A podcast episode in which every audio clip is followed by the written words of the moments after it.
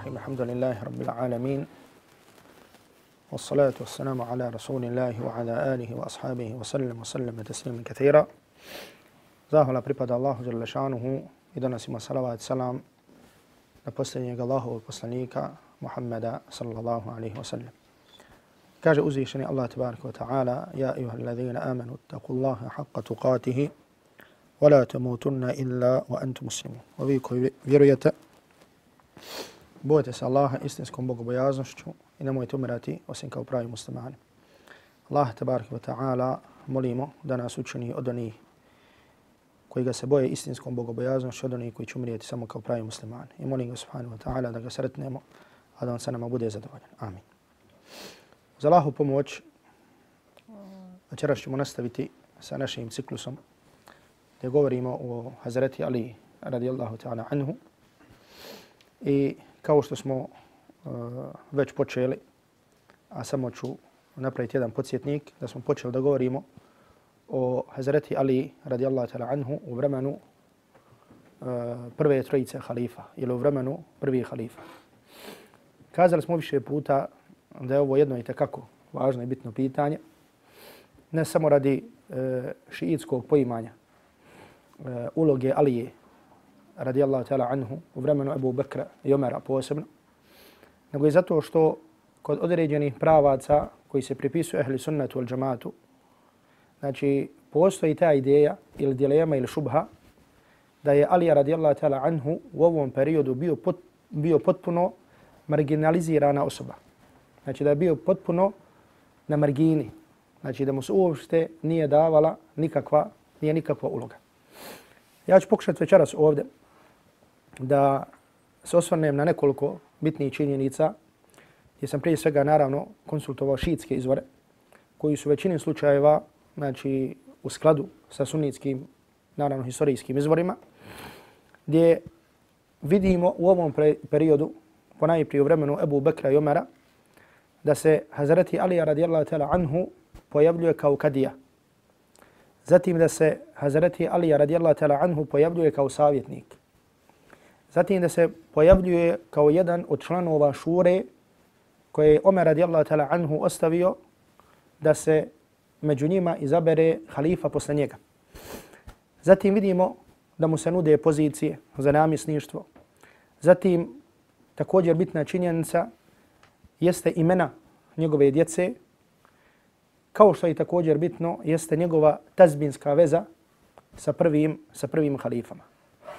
Znači, ove se stvari o kojima ćemo večeras govoriti, znači, ukazuju na to da Hazreti Ali radijallahu ta'ala anhu nije bio marginaliziran u ovom, u ovom periodu. Tako, na primjer, prvo možemo primijetiti e, čitajući historijske izvore, znači kao što sam rekao i šiitske izvore, da se Hazreti Alija radijallahu ta'ala anhu u vremenu Abu Bekra, Jomera i Osmana također pojavljuje kao kadija. Znači, kadija je onaj koji donosi presude, ne onaj koji odgovara na pitanja. Znači, razlika je znači, između muftije i između kadije. Muftija je osoba koja odgovara na pitanja. Znači ljudi imaju određena pitanja, pitaju koga, pitaju muftiju. Međutim, kada se spore i kada je potrebna presuda, da se kaže tako ćeš postupiti, vratit ćeš taj imetak, nećeš vratiti taj imetak, pogriješio je, hoće u zatvor, neće u zatvor, znači to se vraća kome? To se vraća sudi. Znači to je osoba koja se zove kadija i zato učenjaci u fiku ili u i fiku, znači prave razliku između muftije i kadije i spominju razlike. Znači, sud kadije je nešto što je obavezno. Što je obavezno da se prihvati za razliku od odgovora muftije. Kada nekoga pitaš, možeš potom tome da postupiš, međutim nije nužno.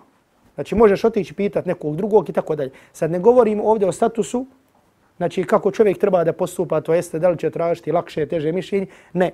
Međutim, kada sudija nešto presudi, znači uzima se po njegovom, po njegovom sudu.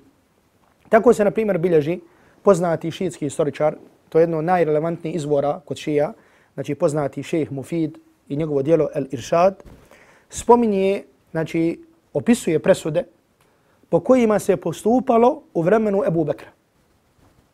Znači nije dato, nije data prednost presudi Ebu Bekara, nego data prednost presudi koga? Hazreti Alije. Također u vremenu Omera. također u vremenu Osmana radijallahu ta'ala anhu.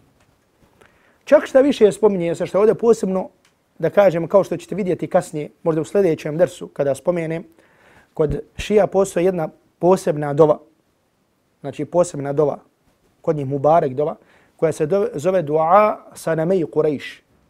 Dova dva kurejšijska kipa. Duga doba gdje se proklinju Ebu Bekri i Omer, radijallahu ta'ala anhuma. I gdje se kaže da ona je kući ovu dovu, da je na stepenu onoga koji gađa strijelama sa Allahom i poslanikom, alaihi salatu wasalam, na bedru, uhudu i tako dalje. Međutim, o tome ću govoriti. Znači, proklinjanje Ebu Bekra i Omara. I znači, uči se i u namazima, i u kunut dovama i tako dalje. Međutim, sami šiitski izvori prenose da je da bi Omer radijallahu ta'ala anhu, kada bi imao neko teško pitanje, znao okupiti ashabe. I pona osobno se obratiti, posebno se obratiti Ali. I reći mu, mada andaka ja Ebel Hasan? Šta ti ima da kažeš o Ebul Hasane? To jeste kao što je bio nadimak Ali radijallahu ta'ala anhu. I ne samo da bi na takav način pitao, izdvajao Hazreti Aliju, da kažemo drugi ashaba, nego je poznata izreka Omara radijallahu ta'ala anhu, koja se spominje i u šiitskim izvorima, gdje se kaže da je Omer govorio la ištu li mu'dilatin la eba hasana laha. Kaže, ja ne doživio ili ne dočekao teško pitanje gdje nema Ebu Hasana. To jeste ne doživio ja da mi se postavi teško pitanje, a da Hazreti Alija ne bude živ. To jeste ja to ne dočekuo. Znači, iz ovoga vidimo šta? Znači, koliko je povjerenje Omer radijallahu ta'ala anhu imao kada u pitanju, kada u pitanju šta? Kada u pitanju Hazreti Alija radijallahu, radijallahu ta'ala anhu. Zatim također kada u pitanju ovdje posebno odnos Omera i Alije. Znači, druga stvar što primjećujemo, jeste da se Hazreti Alija pojavljuje kao član šure. Znači mi znamo da je Abu Bakr radijallahu ta'ala anhu normalno e, šije vjeruju da je tekstom poslanik alihi salatu wasalam odredio Aliju za halifu. Međutim, shodno šiitskom vjerovanju, znači to pravo mu je oteto. Znači ovo je najblaže mišljenje unutar šiitskog vjerovanja, da mu je to pravo šta oteto. Znači otamo ga ko? Ebu Bekr, pa Omer, pa Osman. Naravno, shodno mišljenje ahli sunnata, poslanik alaihi salatu wasalam nije imenovao halifu. Nego su muslimani izabrali Ebu Bekra. Pa Ebu Bekr radijallahu ta'ala anhu imenovao da poslije njega bude Omer. A Omer radijallahu ta'ala anhu je ostavio poslije njega šuru, to jeste imenovao šest osoba da se među njima izabere sljedeći halif. Ti šest osoba, ko su bili? Znači bili su Abdurrahman ibn Auf, Eh, bio Abdurrahman ibn Auf, bio je Sa'd ibn Abi Waqqas, bio je Talha, bio je Zubair, bio je Osman i bio je također Alija radijallahu ta'ala anhu. Bio je također Alija radijallahu ta'ala anhu. I kada su došli da se izabire, glavno da sada ovdje skrati, znači nije to tema naše govora, na kraju su ostali da se izabere između Alije i Osmana.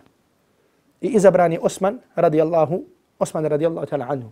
Međutim, Omer radijallahu ta'ala anhu ga je ostavio kao jednoga, kao uh, jednoga od članova, od članova šure, među kojima će se izabrati, među kojima će se izabrati sljedeći, sljedeći halif. Zatim jedna, e, uh, ili da kažemo treća stvar, koja je mnogo, ili da kažemo i tekako bitna, jeste da se Alija radijallahu ta'ala anhu pojavljuje kao savjetnik. Znači u vremenu ovih halifa, Znači pojavljuje se Ali radijallahu ta'ala anhu kao savjetnik. I to, neko, ne, I to ne kao neko ko dolazi da savjetuje nekoga, nego neko od koga se traži njegovo mišljenje. I zato, na primjer, prenosi se da Ebu Bekr radijallahu ta'ala anhu kada je htio da povede rat protiv Bizantije, da je došao i tražio savjet od koga, da je došao i tražio savjet od Alije radijallahu ta'ala anhu. Međutim, zaista su, da kažem, eh, začuđujuća na jedan način, dva savjeta koja Alija radijallahu ta'ala anhu upućuje Omeru. Upućuje Omeru. I ova dva savjeta uh, je zabilježeno, to su dva duga citata. Ja sam o njima pisao u onim tekstovima, ako ste e, primijetili gdje govorim o kritici šiitskog mišljenja kroz prizmu Nehđul Belage i možete naći taj dug, duge citate. Naime, te citate su, e, e, su zabilježeni u jednom Uh, od najvjerodostojnijih dijela kod šija. To je dijelo Nehđul Belaga. Znači, dijelo Nehđul Belaga, koje je također prevedena na naš jezik, još mislim prije rata, ili u vremenu neposljedno, uh, odmah poslije rata. Znači, gdje su navodno pisma Ali je radijallahu ta'ala anha, anhu. I šije za tu knjigu kažu da je definitivno sve što je u toj knjizi vjerodostojno. Da je sve što u toj knjizi, da je šta? Da je vjerodostojno. Zanimljivo je, e, obratite pažnju na ono što sam prethodno rekao, da je e, shodno njihovom vjerovanju da je Ebu Bakr i Omer da su oteli Ali radijallahu ta'ala anhu pravo na hilafet. Još ćete vidjeti kasnije teže stvari od toga koje se spominju. E, Omer radijallahu ta'ala anhu dolazi Hazreti Ali i kaže mu da želi da lično krene u pohod protiv Bizantije. Znači da on kao halifa muslimana da lično izađe kao halifa i da ratuje. Znači kao što je bio običaj neki halifa da izlaze lično i znači da budu sa vojskom u sukobu. Pa Ali radijallahu ta'ala anhu ga savjetuje i ne samo da ga savjetuje, znači to su duži, duži citati, ja vam o tome sad neću detaljnije govoriti, nego mu Ali radijallahu ta'ala anhu zabranjuje da ide. Jer kaže mu, ako ti odeš u pohod protiv Bizantije, i ako ti pogineš ili se nešto desi sa tobom, kaže muslimani poslije tebe, lejse ba'dake mrđi'un jerđi'une ilajhim. Kaže muslimani poslije tebe, neće imati kome da se vrate. Faba'ath ilayhim rajulan mujarraban. Nego kaže, pošaljim nekog iskusnog ratnika. Znači, pogledajte ovdje. Znači, ne samo da mu zabranjuje, znači prvo mu zabranjuje i kaže mu ne idi. Drugo kaže, ako bi se tebi nešto desilo, muslimani neće imati, da kažemo, takvu osobu da joj se vrati, da bude vođa muslimana. Nego kaže, pošalji im čovjeka koji je šta? Znači čovjeka koji je iskusan kao ratnik, a ti ostani. Da se nešto ne bi desilo tebi. Drugi samet ili drugi govor kada je opet Omer radijallahu ta'ala anhu tijelo da izađe u pohod protiv Perzijanaca. Znači kada su bila osvajanje Perzije. Pa mu opet Ali radijallahu ta'ala anhu zabranjuje da ide. Odnosno kaže mu ne idi. Nego mu kaže kunu kutban fakunu kutban wastadir arraha bil arab. Kaže nego budi, kaže njihova osobina osovina, centar, koga? Arapa. I sa njima okreće mlin. To jeste kao što vlasnik mlina okreće mlin, tako ti komanduj Arapima. Kaže i budi njihov korijen, fedune kenar al harb, a kloni se, kaže, rata. Znači šta, šta mu ovdje kaže? Kaže mu da ostane i da bude vođa Arapa, da bude vođa Arapa i muslimana. Znači mimo toga, a to ovdje sad neću spominjati, što nalazimo na riječi hvale gdje Ali radijallahu ta'ala anhu hvali Abu Bekra i gdje hvali Omara radijallahu ta'ala anhu. Međutim, o tome, znači večeras nemam vremena, nemam vremena da govorim. Ako je, ako je Abu Bekr i Omer, ako su oteli hilafet Ali radijallahu ta'ala anhu, tako vam Allaha, zar nije logično, zar ovo nije jedinstvena prilika da se Alija radijallahu ta'ala anhu riješi tih zulumčara. Na jedan lijep i dostojanstven način. Da im kaže šta? Idite i ratujte. Da im kaže idi ratuj. Čak šta više da ga podstakne na šehadet. I na pogibiju na Allahovom putu. Znači da kažemo idealna prilika. Međutim, jok, Alija radijallahu ta'ala anhu u svemu tome, znači kao što se kaže, kao što se navodi u Nehđul Balagi, Znači, kaže Omeru da ne ide lično da ratuje. Zašto? Jer ako se njemu desi, muslimani neće imati koga da ih vode kao što je Omer radijallahu, Omer radijallahu ta'ala anhu. I zato, znači, ove dvije stvari su, znači, da kažemo i tekako bitne za razumijevanje, znači, tog, da kažemo, te cjelokupne misli, ili da kažemo vjerske misli koja kaže da je Ebu Bakr i Omer, znači, gdje u stvari kažu, znači da je tu islam iskrivljen. Znači, šije kad danas posmatraju ova islam, kažu to islam koji je iskrivljen. Iskrivljen jer je oteto. Znači, koji, je, koji se temelji na lažnim predajama od samog početka. Zašto? zato što je taj tekst koji je božanski od Allaha Đalešanuhu, zato što je, da kažemo, oteto njegovo pravo, to jeste pravo da bude Alija radijallahu ta'ala anhu, taj koji će biti vođa i duhovni i politički muslimana poslije Allahovog poslanika sallallahu alaihi wa sallam. E, također od stvari koje su zanimljive jeste što najlazimo u šiitskim dijelima da se u vremenu Ebu Bekra Ali radijallahu ta'ala anhu nudilo namjesništvo nad Jemenom. Znači da Ali radijallahu ta'ala anhu bude namjesnik nad Jemenom. Međutim, Ali radijallahu ta'ala anhu je to odbio. Nije htio da bude namjesnik Jemena. Obratite pažnju ovdje. Ali radijallahu ta'ala anhu je tako je već prije bio u Jemenu. Poslanik alaihi salatu wasalam ga je poslao, bio u Jemen. I to znamo iz poznatog hadisa, Bukhari muslimu, da ga je poslao zajedno sa Muaz ibn Džabalom i da mu je Allahu da, da im je Allahu poslanik alejhi salatu vesselam rekao poznati hadis znači vi ćete doći stanovnicima ahl ahlu kitaba je tako pa i prvo pozovite u šehadet kada se odazovu šehadetu po, pozovite ih e, kako se kaže pozovite e, ih uh, namaz i tako dalje u svakom slučaju Ali radijallahu ta'ala anhu je imao autoritet kod stanovnika Jemena Alija radijallahu ta'ala anhu imao autoritet kod stanovnika Jemena. Zatim, što je bitno, znači Jemen se na jedan način smatra kolijevkom Arapa. Jemen se, znači smatra kolijevkom Arapa.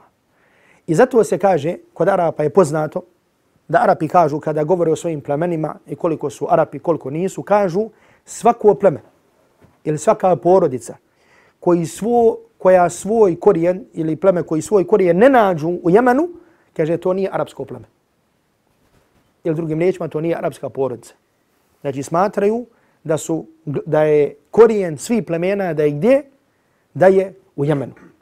Ovdje također se postavlja pitanje ako je to pravo bilo oteto Ali radijallahu ta'ala anhu, zar Ali radijallahu ta'ala anhu nije imao prilike da ode u Jemen, da postane namjesnik i da organizuje, da kažemo, vojsku ili da organizuje znači, pravu ili udari temelje pravnoj, ispravnoj islamskoj državi i da na kraju krajeva vrati znači, svoje pravo koje mu je, da vrati svoje pravo koje mu je oteto. Također jedna zanimljiva stvar, e, stvar koja je, da kažem, jednostavna, međutim govori o mnogo stvari, znači o toj vezi između Alije i Ebu Bekra i Omera, jesu imena Ebu Bekro, uh, jesu imena djece Alijine djece. Alija radijallahu ta'la anhu je sa Fatimom imao samo četvaro djece. Znači to je bio Hasan, Husein, Zainab i Umu Kulsum. Znači dva sina i dvije kćerke. Sa uh, Fatimom radijallahu ta'la anha. Znači sa poslanikovom šta? Sa poslanikovom čerkom. Međutim, poslije toga, i normalno dok je Fatima radijallahu ta'la anha bila živa, Allahu poslanik alihi salatu wasalam nije ženio druge žene na nju. To jeste nije spajao između više žene, nego je tada samo imao jednu ženu i to je bila Fatima radijallahu ta'ala anha.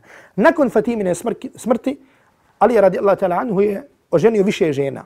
Pa tako neki spominju, e, na primjer Mufid u Iršadu, kaže da imao 27 djece, da je ostalo iza Ali radijallahu ta'ala anhu, dok neki historičari navode da je iza njega ostalo 36 djece. Da je ostalo 36 djece. Znači veliko potomstvo između Alije radijallahu ta'ala anhu. Uh, šije naravno spominju sve žene Ali radijallahu anhu, spominju njegovu djecu, imena njegove djece. I ono što je zanimljivo, da nalazimo među njegovom djecom imena i Abu Bakr, i Omer, i Osman. Znači da su djeca Ali radijallahu ta'ala anhu nosila ime Abu Bakr. Da je bio sin Omer i da je bio sin Osman. I to ne shodno po sunitskim izvorima, nego shodno šiitskim izvorima. Znači moj sin Abu Bakr, Bakra, imao sina i moj sina Osmana. E, ovdje je zanimljivo da nije samo bio jedan Abu Bakr u porodcu Ahl Bejta, nego inače u porodcu Ahl Bejta bilo više osoba koji su nosili ime Abu Bakr. I bilo je više sinova, bilo je više članova, mnogo članova koji su nosili ime Omer. I bilo je mnogo članova koji su nosili ime Osman. I bilo je mnogo članova koji su nosili ime Aisha. Znači čak među imamima, među nepogrešivim imamima, kako i smatraju šije, bilo imama koji su imali čerke koji se zvale Aisha radijallahu ta'ala anha. Znači pogledajte, Ali je radijallahu ta'ala anhu imao sina Abu Bakra, imao sina Omara, imao sina Osman. Normalno šije kako na ovo odgovaraju, oni kažu nije, nije im dao ime niti Abu Bakr, niti Omer, niti Osman, po kome? Znači po Abu Bekru, halifi, niti po Omeru halifi, niti po Osmanu halifi. Nego kažu kada je u pitanju Osman dao ime po Osman ibn Mad'un, kada je u pitanju Omer dao ime potom uh, Omeru, Ebu Bekr potom Ebu Bekru, uh, od porodice Ehlul Bejta bila je ta Aisha, znači po, nekoj, po nekim drugim Aishama, to su bile samo imena i tako dalje. U redu, to su bila samo imena. Međutim, da li ćete danas naći da je jedan šija, da jedan šiitski vjerski autoritet, i ovo je pitanje za same šije, koji znaju da se u njihovim knjigama nalazi da je bilo imena Ebu Bakr, Omer i Osman u Ehlu Bejtu, i i drugih imena. Da li ćete naći danas, danas, danas, jednoga, jednog jedinog šiitskog autoriteta da ima sina koji se zove Omer? Ili da ima sina koji se zove Osman? Da ne kažem koji se zove Abu Bakr.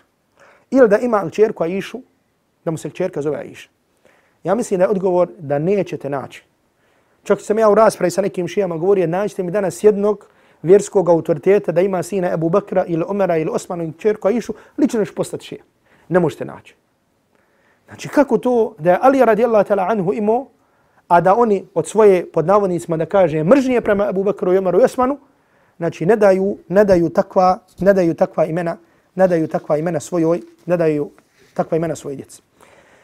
Ovdje ostalo jedno pitanje koje je, koje sam ostavio večera za kraj, koja govori najbolje, znači ovo su sve stvari koje najbolje govori o odnosu, koje govori o odnosu između koga, između Alije i Abu Bakra i Omara. Međutim, postoje jedno pitanje koje je shodno mom kratkom iskustvu, da tako kažem, sa šijama, za koje sam ja vidio da je najosjetljivije pitanje. Znači, kada raspravljate sa šijama, znači, normalno raspravljanje sa šijama je, ima svoji jeli, pozitivni i negativni stvari. Znači, osnovi kažem, znači, zabludjenim pravcima pravicima ne treba posvećivati vremena.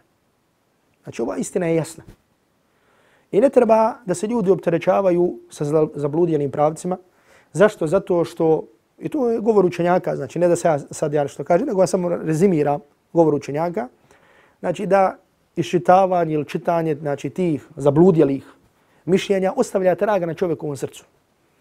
I stvarno neka čovjeka čita neki te zablude, znači osjeti neku mučninu, tako da kaže. I zato, znači, shodno potrebi, da kažemo shodno potrebi, i na jedan način iz milosti, da tako kažem, prema tim ljudima koji su otišli u zabludu, ne bili se, ne bili se vratili. A istina je jasna. Onaj ko želi istinu, znači istina je jasna. Znači, ko želi istinu, ona je jasna poput sunca. Međutim, da kažem, da se istina pojasni i da se ljudi upozore, znači potrebno je. Međutim, znači, shodno, shodno potrebi. E, Nano raspravljanje sa njima nije lahko. Znači oni na samom početku, e, da kažem, veliki broj njih, znači da ne bude ovdje neka generalizacija, veliki broj njih pokazuju lijep ahlak, lijepo obhođenje. Međutim, sve dok ih ne dirneš znači, u bolu. Kad i dineš tamo gdje boli, onda dolazi čak i proklinjanje. Allah te prokleo, Allah te uništio, Allah te... Ovo i to sam lično doživio. Znači, to je znači, uvaženi, cijenjeni hafize na početku, a na kraju prokletniće, Allah te ubio i tako dalje i tako dalje. Međutim, o svi ti pitanja, s ova pitanja kad se navede na neki način, pokušavaju da dadnu odgovor. Međutim, jedno pitanje koje je toliko osjetljivo, znači što, ono što sam ja vidio, je najosjetljivije pitanje. Dotlije da nemaju drugog izgovora osim da kažu to je laž i potvora. I od najsmješnijih stvari koje sam čuo, koji su mi rekli, jeste kažu to je vehabijska potvora. Znači za ovu historijsku činjenicu. Uh, taj najosjetljivija stvar jeste brak između Ummu Kulsum, kćerke Ali radijallahu ta'ala anhu, znači kćerke sa Fatimom, znači rekli smo sa Fatimom imamo koliko djece? Četvr. Hasana, Huseina, Zainab i Ummu Kulsum.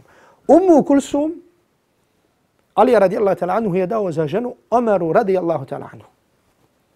Znači Alina kćerka Ummu Kulsum je bila supruga Omara radijallahu ta'ala anhu. I kad ovo spomeneš, znači ovo se ne može trpiti. Znači kako to da Omer dadne svoju kćerku, znači kako to da Omer dadne svoju kćerku, Ali radijallahu, Ali da dadne svoju kćerku Omeru. Znači da ne kažem, samo im spominjam njegove historijske činjenice, da ne kažem, da mu kažeš bil ti svoju kćerku dao, znači za ženu Omeru, radi Allah ta'ala, anhu. Uglavnom, e, malo ću se, ne, ne duže, nego samo e, ću vam spomenuti koliko je ovo pitanje prisutno, jer neki kažu da je ovo neistinita historijska činjenica, da je ovo laž. Međutim, rezimirat ću na jedan jednostavan i lahak način da mislim da će nam ostati jeli, onaj, u glavama. E, naime, znači, napominjem opet da je Ummu, Ummu Kulsum, da je to bila jedna od dvije čerike, ali je radijallahu ta'ala anhu koji imao sa Fatimom. I znači, Umu Kulsum je unuka Allahovog poslanika sallallahu alaihi wa sallam. E, tri od četiri glavne šiitske hadijske zbirke potvrđuju ovaj događaj. Znači, kao što mi imamo, da kažemo, kutubu sita ili Buhari muslima, tako še imaju svoja četiri glavna, histori, e, glavna hadijska izvora. Znači, to je kafi od Kulejnija, to je istibsar i tehdibul ahkam od Tusija, znači dva dijela od jednog autora, i četvrto je od saduka men la jahduruhu l-faqih. Znači, te četiri zbirke, znači, kafi, istibsar, tehdibul ahkam i men la jahduruhu l-faqih su glavne hadijske šiitske zbirke znači glavne hadijske šiitske zbirke. Tri od ove četiri zbirke potvrđuju ovaj brak i spominje se ovaj brak. Znači spominje se u kafiju od Kulejnija i spominje se u Tehdibu Lahkam i Stipsaru od Tusija. E, međutim, spominje se na različite načine. Prvo, Kulejni u svom dijelu Furu'ul Kafi e, navodi poglavlje. Babu tezviđ um kulthum. Poglavlje o udaju umu kulthum gdje kaže da je Kulsum, radijallahu ta'la anha, bila udata za koga? Za Omara. Znači, to je prva stvar. Druga stvar, šije u svom fikhu, znači u svom mezhebu, džaferijskom mezhebu, e, znači, kad govorimo šije većinom, znači mislimo na šije e, Isna Ašarije ili Džaferije. Znači, Isna Ašarije misli se zato što vjeruju 12 imama, a Džaferije zato što svoj mezheb u fiku pripisuju imamu Džaferu Sadiku. Znači normalno lažno. Znači Džafer Sadiq je bio imam od imama. E, u svom fikhu oni kao dokaz za to gdje žena kojoj umre muž provodi iddet. Znači znate kada prestane bračna veza, bilo radi razvoda, bilo radi smrti, to se zove, žena posle toga ima period koji se zove kako? Iddet. Gdje ga žena provodi? da li u kući muža, da li smije izaći, da li ne smije izaći iz kuće i tako dalje. Znači shodno kako kojom, kojoj je vrst iddeta i tako dalje. Međutim, kada je u pitanju iddet žene kojoj umre muž, znači to se zove al mutawaffa anha zawjuha. Znači kojoj je umro muž, šije kada govore da smije iddet provesti u nečoj drugoj, a ne u kući od svog muža, uzimaju kao dokaz slučaj Ummu Kulsum. I kada je Omer radijallahu ta'ala anhu bijen, Pa tako Kulejni dijelu kafi kaže Ba'abu l-mutawaffa anha zawđuha al-madhulu biha ejne ta'taddu wama jeđibu alaiha. Kaže žena koju umro muž, ako sa kojom se imao odnos, gdje provodi iddet i šta joj je obaveza. I navodi, predaju da, navodi dvije predaje, ja ću spomenuti samo jednu, da imam Džafar Sadek bio upitan o ženi kojoj umre muž gdje provodi iddet, da li u kući svog muža ili gdje ona želi, pa kaže tamo gdje ona želi. Pa to jeste nije obavezno provode iddet u kući svog muža. Kaže, jer je Alija radijallahu ta'la anhu, kada je umro Omer, došao i uzeo ummu kulsum za ruku i odveo u svoju, svoju kuću. To jeste u Alinu kuću.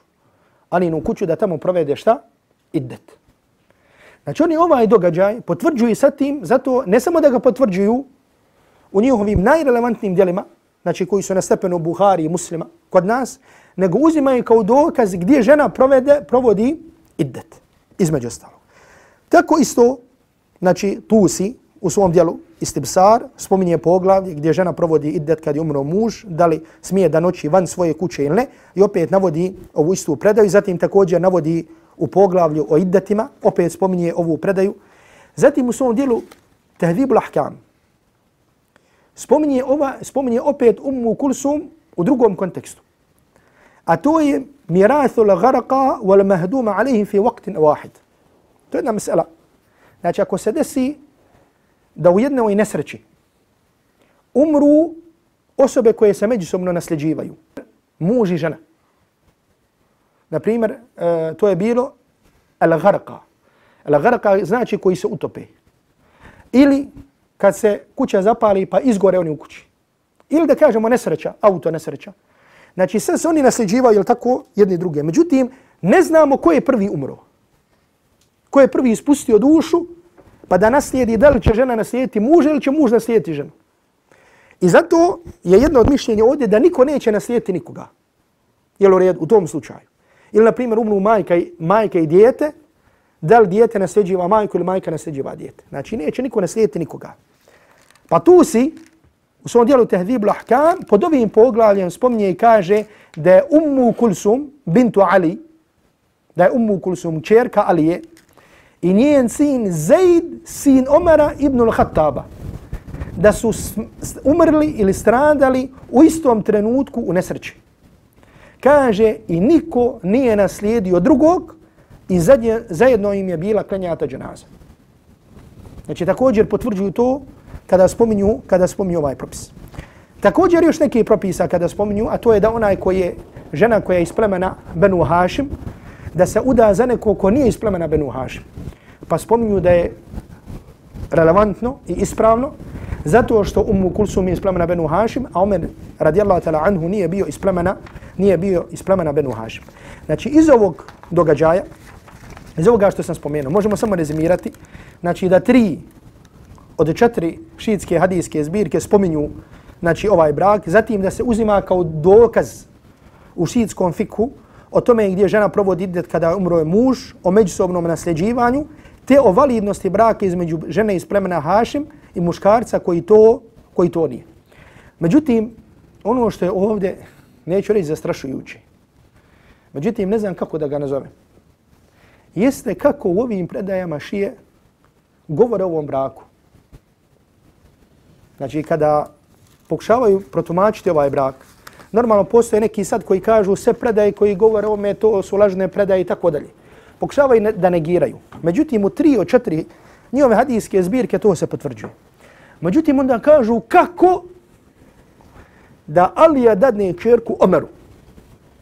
A ima i opet onu dovu o kojoj, o kojoj sam vam uh, išareti, o kojoj sam rekao o kojoj ćemo, o kojoj ćemo govoriti. Pa onda pripisuju predaju, znači lažno, imamu Džafaru, imamu Džafaru Sadiku, Allah bio sa njim zadovoljan, znači našem imamu, imamu ehli sunneta, znači lažno pripisuju predaju da je bio upitan u tom braku i znate što je odgovorio? Kaže, inna dhalike farđunu gusibnahu. Kaže, to je stidno mjesto koje nam je silovano.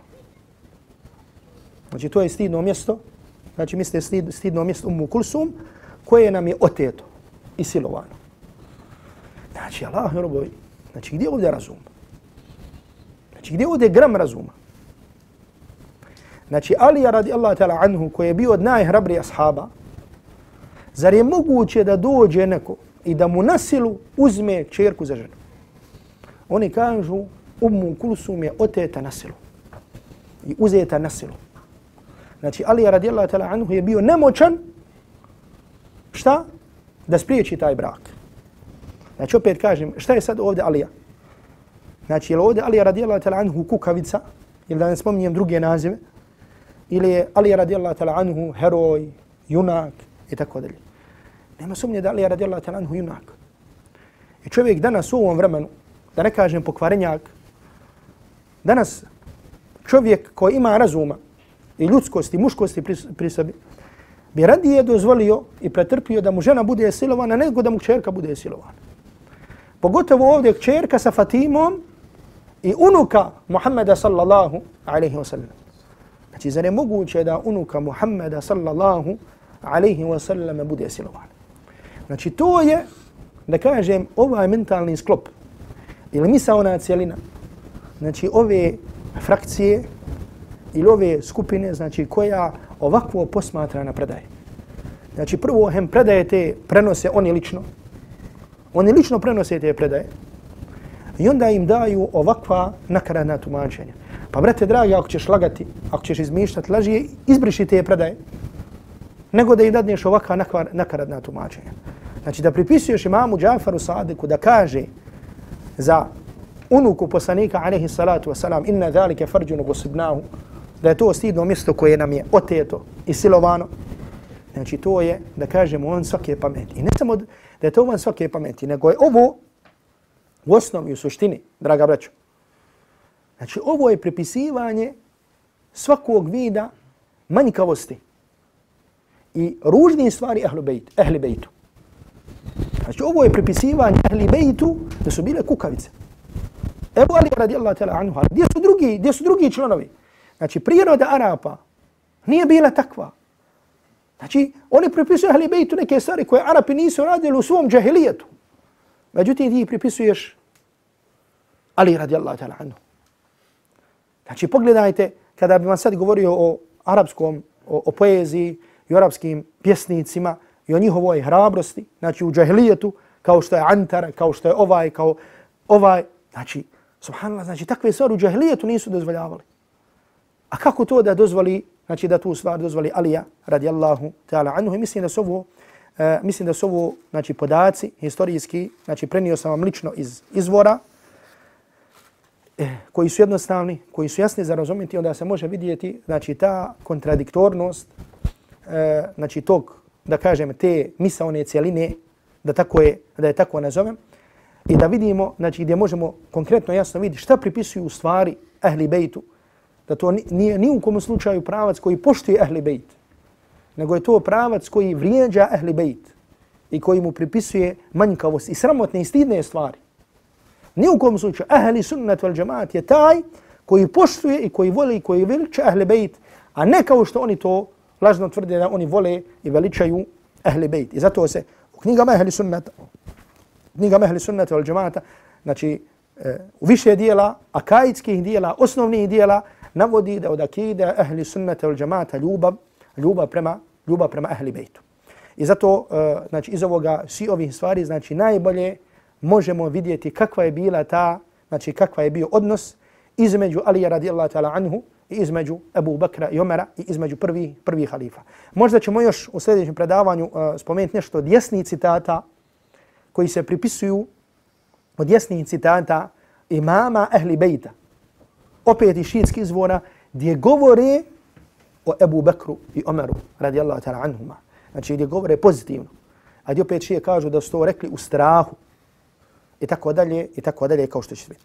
E, ovdje samo još na kraju, draga braćo, želim da spomenem jednu stvar, e, da podsjetim sebe i vas e, na jednu stvar koju, na koju sam korisnu, e, da kažem koja, me, e, koja mi se svidla, koju sam želio da podijelim sa vama. E, inače, znači vi znate da mi četvrtkom se družimo u biblioteci sa dijelom Bulugul Maram od Hafiz ibn Hajara i iskoristio bi priliku znači da vas pozovem, odnosno da vas podstaknem da iskoristite e, takva druženja, znači gdje se družimo sa dijelom Hafiz ibn Hajara, spominjemo ono što su činjaci rekli u komentaru ovoga dijela, znači to su hadisi koji govore o propisima i mislim da se kroz ta predavanja možete, možete koristiti. Mi smo inače sada znači, počeli da govorimo o ezanu Eh, učen, e, i propisima koji su vezani za ezan. Učenjaci su, e, kao što imam Kurtobi i drugi, mislim da sam to spomenuo u zadnjem predavanju, su spominjali i govorili o, o e, suštini ili da kažemo značenju onoga što ezan sadrži. Od riječi Allahu akbar, Allahu akbar, Allahu akbar, Allahu akbar, ašhadu an la ilaha illa Allah, ašhadu Muhammad rasulullah, hayya. Tako dalje gdje su govorili da je to da su to riječi koji su tolikog značaja da potvrđuju osnove ove vjere kao što je tevhid, kao što je šehadet, kao što je obavljanje namaza, kao što je veličanje uzvišenog Allaha tabaraka wa ta'ala i tako dalje. Međutim, ono što me što sam želio da spomenem sa vama jeste riječ al-falah. Znači, u ezanu se kaže, znači, nakon što se dva puta kaže hayya ala sala, hayya ala sala, kaže se hayya ala al-falah, hayya ala al-falah. Dođite na namaz, dođite na namaz, dođite na spas. Kod nas se, kod nas se prevodi. Uh, ako bi se vratili na komentar riječi al-falah, vidjet ćemo da veliki broj komentatora tumači riječi al-falah kao al-baqa ad-daim. Da ga tumači kao vječni boravak. Da ga tumači kao vječni boravak. Znači dođite na namaz, u stvari dođite u vječnost. Zato što vam namaz garantuje vječnost. Subhanallah. I zato pogledajte Allahove milosti, da kada čuješ ezan, da te podstakne, da te pozove, da te podstakne na taj hajr, na to dijelo u kojem je u stvari vječno za tebe. Međutim, ono što sam baš želio da vam spomenem jeste da imam neovi kaže da u arapskom jeziku, da jedan broj lingvista je kazao da lejse fi kelamil arab kelimetun eđma lil hajri min lafd al falah. Da u arapskom jeziku ne postoji riječ koja obuhvata, znači riječ čije značenje obuhvata toliko dobra u arapskom jeziku kao što je riječ falah. Da u arapskom jeziku ne postoji riječ koja obuhvata toliko dobra kao što je riječ falah, koja se upravo koristi u ezanu. Znači svako dobro je sadržano u riječi felah. I kažu neki učenjaci, poslije toga dolazi riječ an nasiha, savjet. A na prvom mjestu jedan broj lingvista stavlja riječ al falah. A da kažem tumanče kao šta? Kao vječni, kao vječni boravak. I zato svaki put Allah vas nagradio kada čujemo znači namaz, kada čujemo ezan koji nas poziva da obavimo namaz u džematu. Znači u stvari nas poziva na namaz koji je šta? U kojem je garantovana vječnost, vječnost za čovjeka. I da braću, ovaj dunjaluk je prolazan. I to svi znamo. On je prolazan ili da ćemo danas sutra, da će čovjek biti obaviješten da od nečega boluje. Ili će čovjek biti obaviješten ili će čovjek iznenada umrijeti. Međutim, čovjek na dunjalku neće ostati. I čovjek zato nikako ne smije da se veže za ovaj dunjaluk, nego ovaj dunjaluk je stanca. Kao što Allahu poslanik alaihi salatu wasalam rekao, kao što je čovjek istadalla tahta šađaratin thumma tarakaha. Kao putnika koji se odmori ispod drveta, uzme drvo kao hlad, a zatim taj hlad ostavi. Znači, to je primjer čovjeka, čovjeka na dunjalku. A najvrijednije jeste namaz. I zato koliko god da čovjek ima, kao što nekad kažemo, život Nuha alaihi salam, i da razmišlja o koristima namaza, znači ne bi mu bilo dovoljno. Znači koliko samo namaz približava čovjeka Allahu. Znači da Allah poslanik rekao na i znajte da je najbolje dijelo namaz. Koliko namaz mijenja čovjeka. Koliko ga približava koliko ga udaljava od griješenja, koliko te približava Allahu, Allahovoj blizini, koliko te čini da bude svjesni o smrti, znači sve to koristi namaza. I zato zapamte kada čujete riječ al-falah, da je to vječnost. Znači da je namaz taj koji ti garantuje vječnost. Allah, tabarik wa ta'ala, molim da nas učini od onih koji usrajavaju na namazu, koji namaz obavljaju onako kako namaz treba da se obavlja. Sallallahu ala Muhammedinu, alihi wa sahbihi wa sallam, wa sallam, tasliman kathir.